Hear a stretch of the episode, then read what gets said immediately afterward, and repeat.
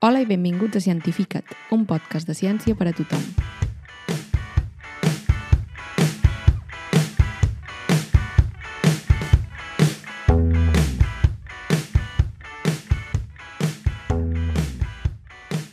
Benvinguts de nou a Cientificat. Avui la Núria, l'Ester i el Guillem us parlarem de l'avantprojecte de llei de ciència a Catalunya que fa uns mesos va aprovar el govern català. La Llei de la Ciència de Catalunya té la missió de definir i consolidar el model propi del sistema de recerca, desenvolupament i innovació de Catalunya, de proveir-lo d'eines jurídiques i econòmiques necessàries per fer front als nous reptes globals i de contribuir a que es pugui configurar un espai destacat dins de la comunitat científica internacional. Aquesta llei impulsa les estructures i l'activitat de la recerca com a principi actiu d'una ciència que genera coneixement propi. En definitiva, vol fer de la ciència un element estructural del país. Aquest avantprojecte de llei, com us podeu imaginar, és prou extens, així que només tractarem alguns punts que podem debatre. Crec que és important dir també que aquesta llei recull molts aspectes del Pacte Nacional per a la Societat del Coneixement i dona resposta a moltes de les reivindicacions del sector. Comencem, doncs, amb un punt important d'aquest avantprojecte. Aquesta llei proposa un nou model de finançament públic o privat amb més implicació del món empresarial i noves fórmules de mecenatge es proposa un finançament públic sostingut per estar a la mitjana de la Unió Europea, complementat per un increment de la participació del sector privat. En aquest sentit, també hi hauria previst un nou organisme, el Consell del Mecenatge, que controlaria la implicació privada en el finançament de la ciència. Sabem que Catalunya i Espanya només es dedica l'1,44% i l'1,25% del PIB a recerca i desenvolupament respectivament. Dit d'altra manera, fa un parell d'anys es dedicaven uns 322 euros per habitant en recerca, comparat amb els quasi 700 euros de mitjana de la Unió Europea. Aleshores, m'agradaria començar a debatre quines són aquestes implicacions de, de no tenir un finançament sostingut en ciència i què implica a l'hora de fer projectes. Perquè ens estigui escoltant, la ciència és bastant cara uh, i aleshores m'agradaria començar a parlar d'això, no? Què passa amb projectes de ciència quan, quan no hi ha un finançament sostingut i si es pot realment fer ciència de qualitat.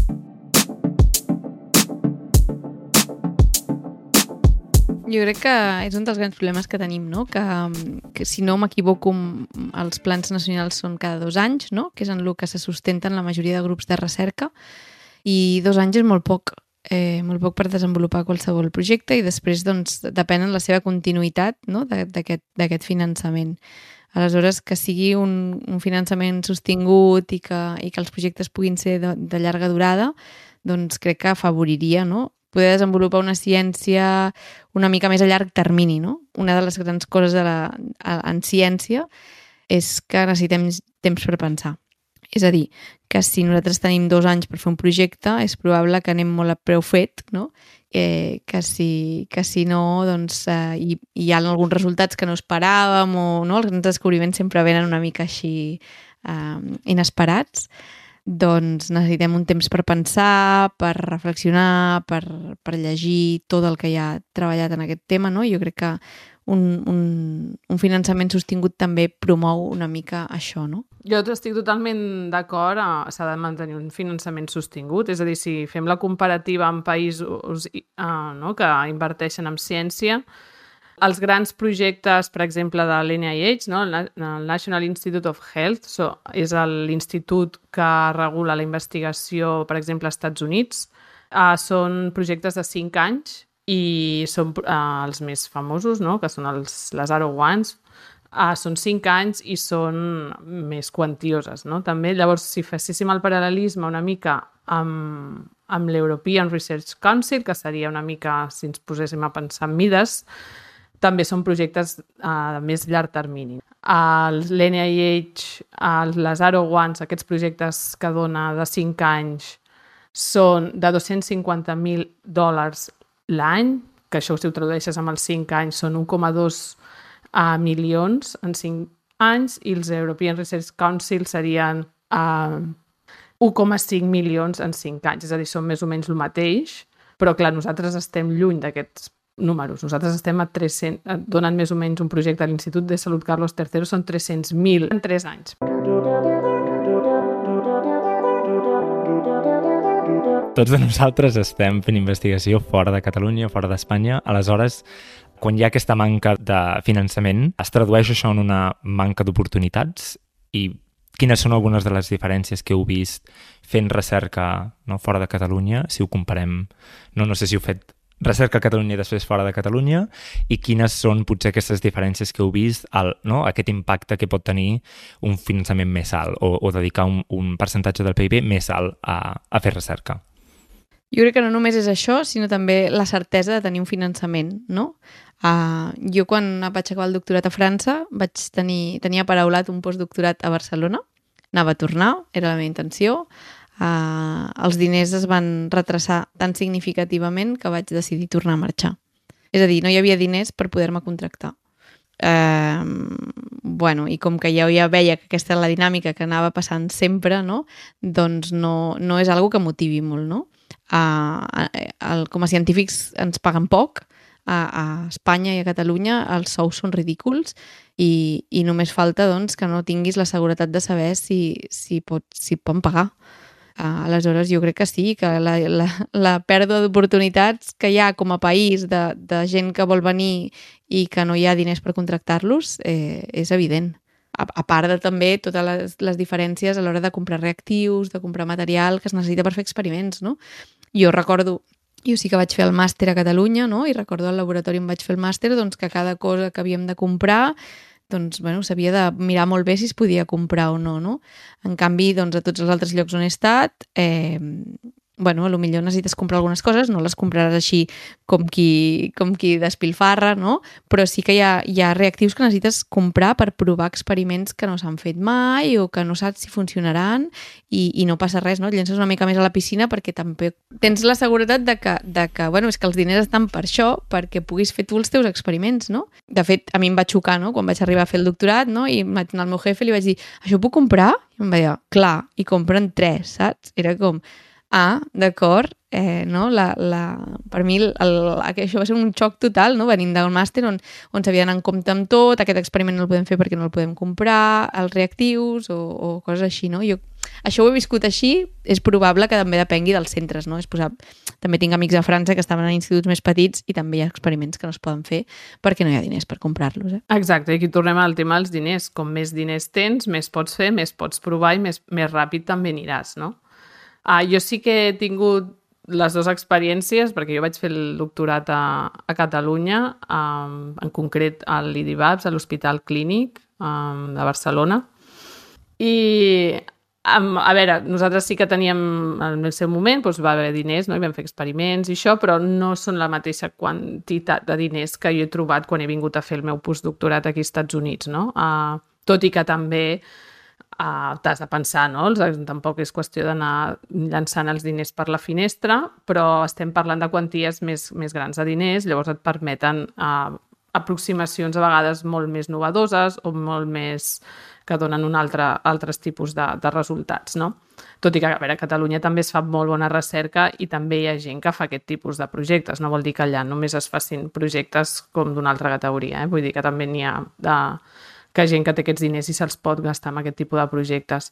Um, però sí que és veritat que jo crec que un dels problemes que hi ha, sobretot a Catalunya, en el tema d'aquests els diners, és que uh, no existeixen les figures de personals uh, fixes o personals amb una certa no temporalitat que et facin uh, projectes i que et facin experiments, mentre que en altres països sí que les institucions tenen staff o gent que a vegades no va tota a coberta pels projectes que tu concedeixes. En el cas dels doctorats i postdoctorats sí que tots depenem sempre del finançament del teu grup o de beques externes personals competitives que tu pots aconseguir, però tenen generalment els laboratoris gent pagada doncs, per la universitat o pel centre de recerca en el qual estan. Això, òbviament, et permet tenir també més gent en el teu laboratori i no tot a càrrec de projectes que no saps si et donaran i no et donaran. I crec que això també és una de les grans diferències que pots trobar entre Catalunya i, i per exemple, als Estats Units. A Europa no ho conec tant, perquè no hi he treballat activament en aquest sentit, però, per exemple, als Estats Units sí, a les universitats ho tens. Crec que això seria una gran diferència, perquè si cada persona que tu tens contractada en el teu laboratori sempre depèn de projectes, sempre és, tornem en aquesta inestabilitat, en aquests sous tan baixos, i això al final repercuteix en la qualitat de tot plegat, no? de tot el sistema. Aquí entra un altre punt, que és just el segon que volia introduir, que són les, les condicions de treball no? i la temporalitat que hi ha als, en els investigadors i en, en la gent que fa recerca. Aleshores, aquesta llei diu que vol garantir aquestes condicions adequades de treball de científics, investigadors i altres professionals com els, els doctorants i que per això promourà eh, mobilitat en processos de captació i retenció de talent. Es parla de la creació, com has dit, Núria, també de, de possibles altres categories laborals com la del personal tecnòleg o el tècnic de suport a la recerca per blindar aquestes condicions laborals de la gent i evitar que talent marxi fora i poder-ne de treure'n de fora de, de Catalunya. Es vol també acabar una mica de, amb la burocràcia que hi ha a l'hora de contractar i obrir nous projectes i aleshores volia no, encaminar el debat una mica en, en això. Es parla molt de retenció i de retorn de talent i, i de condicions de treball i crec que van prou mà a mà.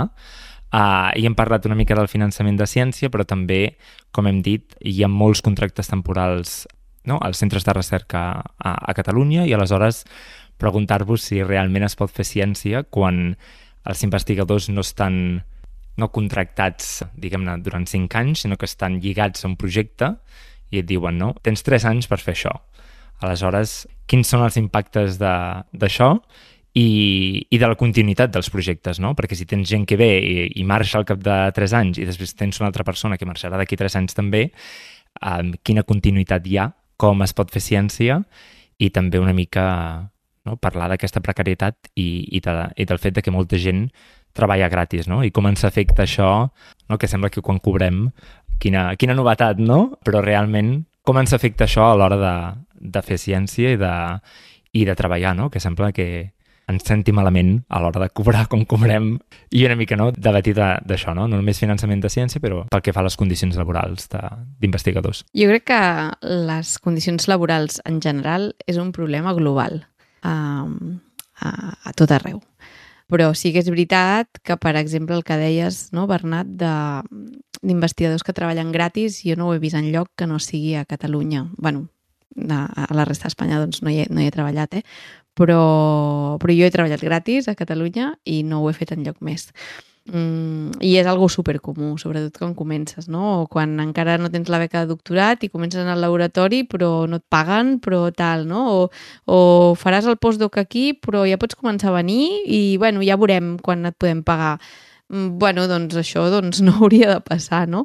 Um, hi ha camps en els que per sort doncs, no passa, però, però el de treballar de, gratis doncs, eh, crec que aquí s'ha de posar una línia vermella, no? I si no hi ha un contracte, doncs no es, no es treballa i ja està. I això a vegades ens sentim molt culpables els investigadors perquè en el fons tu treballes per tu mateix, tu et fas la teva carrera i, i el teu futur depèn només del que facis tu, no? Eh, aleshores sí, treballem gratis, no? I tots ho hem fet segurament i, i no, no està bé, però sí que s'hauria de posar una línia vermella i si això està regulat, doncs jo crec que ajudarà una mica a, a millorar les condicions, però sí que sí que tots tenim amics no? que han escrit la tesi, per exemple, eh, estan, en, estan en atur. No? I gastant-se tot l'atur, doncs, treballant en el laboratori, acabant la tesi i acaben d'escriure i d'escriure la seva tesi doctoral, que és, és feina. Així que això hauria d'estar pagat, per exemple. Mm, jo sé, per exemple, les dades de l'IDIVABS, quan jo hi era, el 70% de la gent que estàvem treballant allà eren temporals, el 70%. Tu preguntes a quina empresa passa això i honestament crec que no en trobaríem gaires.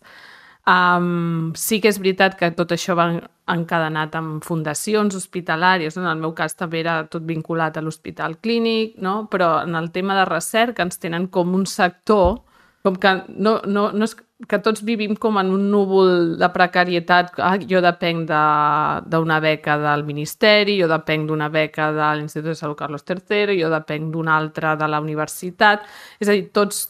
Um, no hi ha aquestes posicions que tu apliques amb una feina, no, tu sol·licites una feina i te la donen i tu tens un, un lloc de feina, ja siguis temporal o ja siguis eh, fixa, però estem tots com amb un, amb un núvol de, de...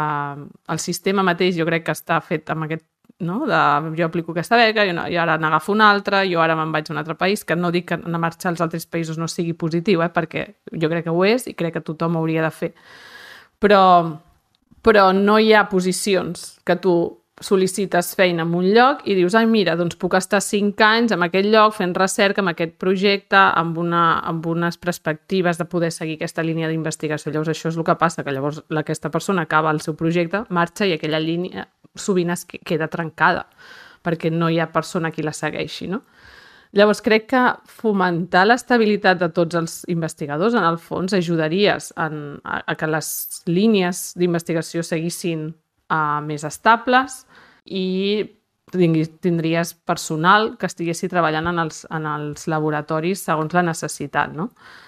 Um, crec que això també passa una mica tot arreu, és a dir, per exemple, als Estats Units uh, també, també funciona així, és a dir, tu també tens les teves beques, tens un finançament del teu grup que et contractarà o no en funció d'això, i per això creiem que, com deia l'Ester, és un problema global. A més a més, crec que als Estats Units el problema afegit és que um, els investigadors, generalment que estem a les universitats, no estem tan ben pagats com estarien uh, um, com un podria pensar per la formació que aquesta persona té. No? Si un investigador s'anés en una empresa privada, cobraria el doble de lo que cobra en una universitat. No? Llavors aquí entraríem en el debat de als Estats Units és un país que necessita incorporar aquesta mà d'obra i per ells eh, la mà d'obra barata són els estrangers que no ens volen en els seus països per fer investigació. I gent que ha, ha tingut formació, és a dir, pagada moltes vegades públicament. És a dir, t'has tret una carrera que has, uh, segurament a una universitat pública, has fet un màster segurament també parcialment finançat si és un màster oficial per la universitat, hauràs fet una tesi doctoral possiblement amb una beca del govern i acabes marxant a nodrir a, a un altre país, no? que té necessitat d'aquestes places que no, no cobreix amb la seva pròpia, per, per, amb la seva pròpia gent. No? Jo tinc, jo tinc una pregunta i és tot aquest tema que parleu de les beques. Um, em sorprèn molt que entitats com la Caixa o, o d'altres no sé, entitats bancàries uh, promocionin beques perquè després la gent amb aquestes beques se'n vagin a un altre país a estudiar un doctorat, no? Jo tinc, per exemple, un amic um, que ha estat aplicant per beques de la Caixa i d'altres entitats o associacions o no sé quin tipus d'empreses que fomenten a través de beques la, els doctorats i postdoctorats i aquestes coses. Uh, primer a, Sui a Suècia i ara està fent un doctorat a Lisboa i crec que la beca era de, de la Caixa.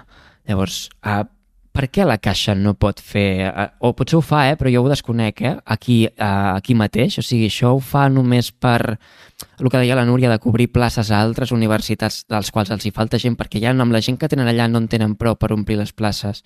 O per què ho fan promocionant marxar fora en comptes de promocionar-ho per optar a places aquí dintre ben finançades gràcies al suport financer de les entitats bancàries. Vull dir, no sé si m'explico. No, si en ciència dona prestigi o en molts altres camps marxar fora i crec que és positiu fer-ho. Vull dir, aprendre altres coses, veure altres països, crec que en tots els àmbits és positiu, però en el cas mm -hmm. dels científics es valora també molt positivament. Però bueno, això no vol dir que tu, quan marxis, i hi ha beques que són de marxar i tornar o coses així, el, realment en el fons tu després poguessis, una vegada t'has format, tornar una altra vegada al teu país i, i avançar, no? En, per això haurien de ser aquest tipus d'ajudes, no? Perquè tu et formis i tornis en el teu país possiblement a invertir tot el que el teu país ha, ha donat per tu. De fet, hi ha moltes beques a Sud-amèrica, sobretot, o a Centroamèrica, que si han anat a fer els doctorats pagats per beques als seus països a pa altres països, els obliguen a la tornada a estar un mínim d'anys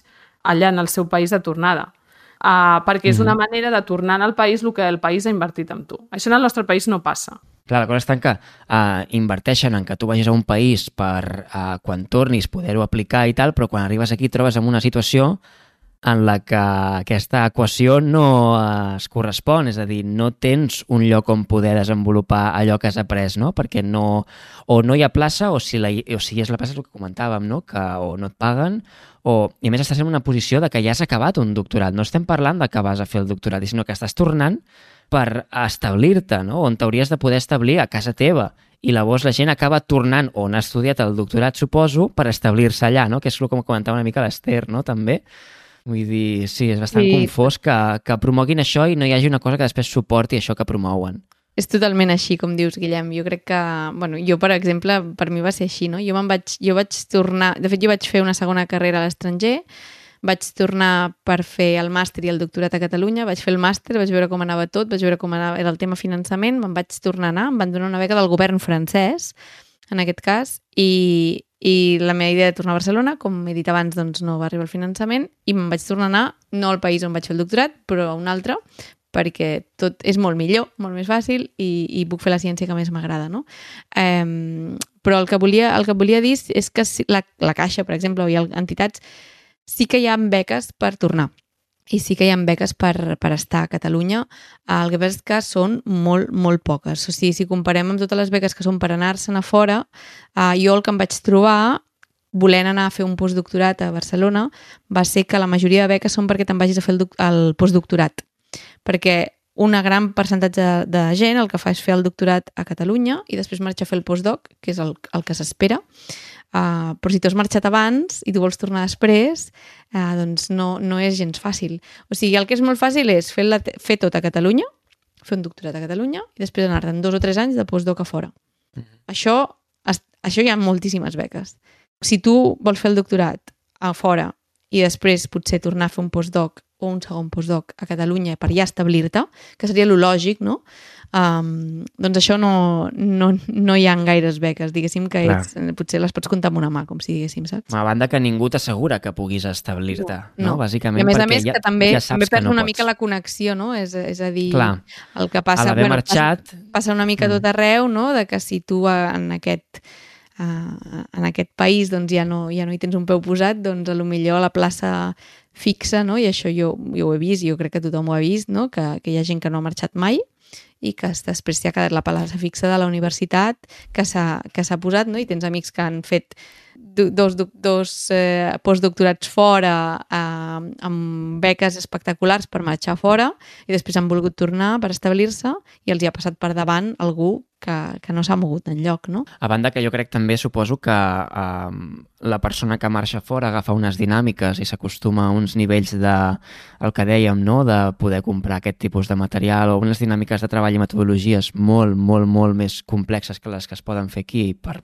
per temes financers i que, clar, el fet de tornar aquí no garanteix que tu puguis continuar amb aquesta qualitat laboral, no? amb aquesta qualitat professional o bé si ets una persona molt exigent també, no? que, mm, o molt ambiciosa en aquest sentit, saps que tornaràs, però tornaràs a... És com tornar a menys, no? És com rebaixar-se un altre cop a un nivell en el que no vols tornar i, i que desgraciadament t'agradaria però no, però no és possible. Tot i que fomentin que la gent torni, la gent no torna perquè no vol, perquè sap que no, no? Suposo, eh? Jo entenc que deu ser així. I això que Sí, dius, Guillem, és... és una de les coses que em feia més por de tornar, no? Quan vaig decidir que volia tornar, que al final no vaig tornar, no? Però una de les coses que em feia més por era aquesta de no, podré fer tot el que vulgui, eh, haig de baixar el nivell, eh, com, com va això? I, Clar. I crec que sí, que és, eh, és algo que jo crec que la gent que torna, torna per altres motius que no són la ciència. És a dir, hi ha Mhm. motius personals, la família... Sí. Eh, però per ciència jo no conec ningú que hagi tornat per ciència. Només. Bé, és el que hem dit, no? Que marxes per... per no? La mobilitat està molt ben vista a, no? a, al camp de la ciència i t'encoratgen a, a que marxis i aleshores veus un món molt diferent no? a l'hora de recerca comparat a Catalunya i aleshores potser ja no vols tornar, no? A, quan t'acostumes a, a aquestes coses.